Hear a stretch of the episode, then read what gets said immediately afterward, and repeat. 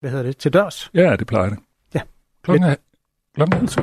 Nu er der nyheder på Radio 4. Sanktionerne mod Rusland har fået særligt de danske virksomheder til at skære kraftigt ned på eksporten til Rusland de seneste to år. Dansk eksport af varer til Rusland er faldet med knap 82 procent. Til sammenligning er de europæiske virksomheders eksport til landet samlet set faldet med 57 procent fra 2021 til 2023. Det viser data fra Eurostat, der er EU's statistiske kontor.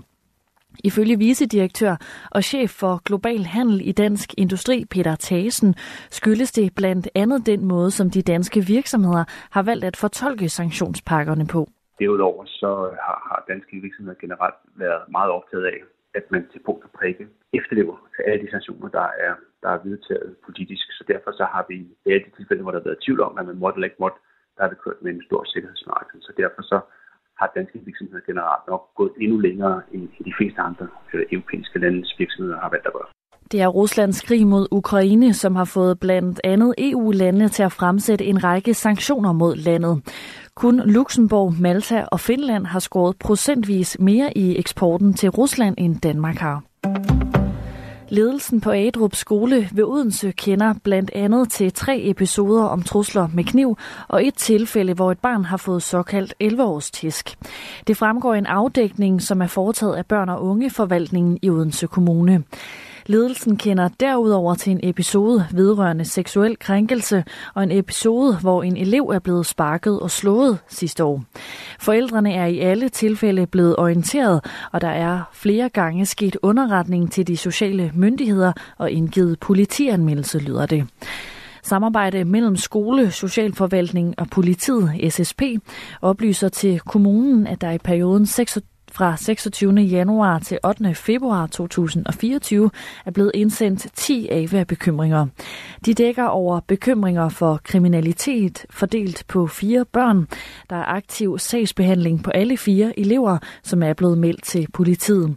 Det fremgår ikke, hvad de er anmeldt for. UNRWA har nået briste, bristepunktet efter at en lang række lande har valgt at trække deres støtte. FN-organet er kritisk ramt på sin evne til at fortsætte sit arbejde i Gaza. Det siger Philip Lazzarini, der er chef for UNRWA, FN's organisation for palæstinensiske flygtninge i Mellemøsten. Lazzarini kommer dog ikke nærmere ind på, hvilke konsekvenser et sådan bristepunkt vil have.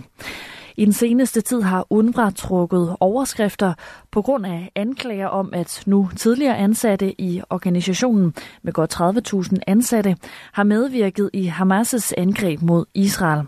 Anklagerne er stadig ved at blive undersøgt, men efter anklagerne har en lang række lande, blandt andet USA, Storbritannien, Tyskland og Japan, valgt at suspendere støtten. Online-forummet Reddit søger om børsnotering på den amerikanske børs.